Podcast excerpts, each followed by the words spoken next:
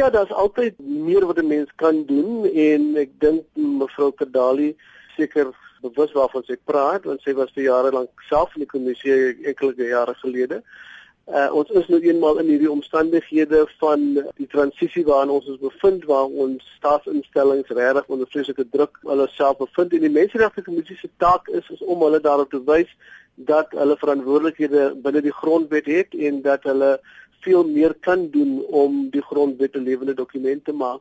Mense probeer altyd meer te doen, maar ek wil daarom nie heeltemal aan die beskikbare bankie gaan staan met die Menseregte Kommissie nie. Ons doen ook so ons deeltjie. Die Menseregte Kommissie se mandaat strek dit ook tot by buitelanders, soos wat ons nou gesien het in beweerde vreemdelingehaat voorvalle, het hulle ook 'n reg voor die Menseregte Kommissie in Suid-Afrika.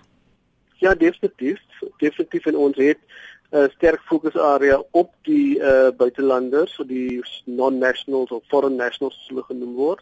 Ons voorsitter van die Menseregte Kommissie, advokaat Muswana, dryf self die advieskomitee en die prosesse met Lindela as ook die gevalle wat ons het met die departement van binnelandse sake, die hofuitsprake wat daar oorgegee word. So ja, nee, hulle het beslis regte.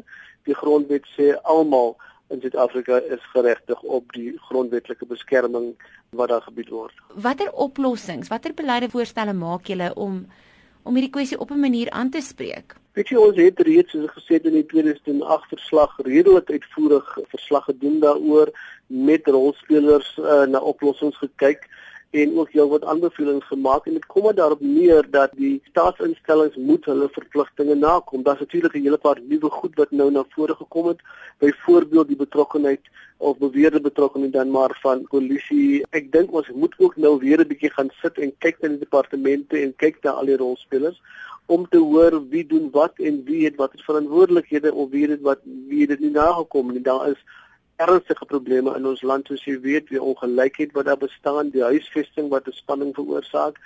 En mense het uit inlopende standpunte oor wat nou presies gebeur het na ons verslag wat ook dis dat die parlementêre portefeulje komitees gebruik word as riglyne waarmee hulle departemente konfronteer en aanspreek.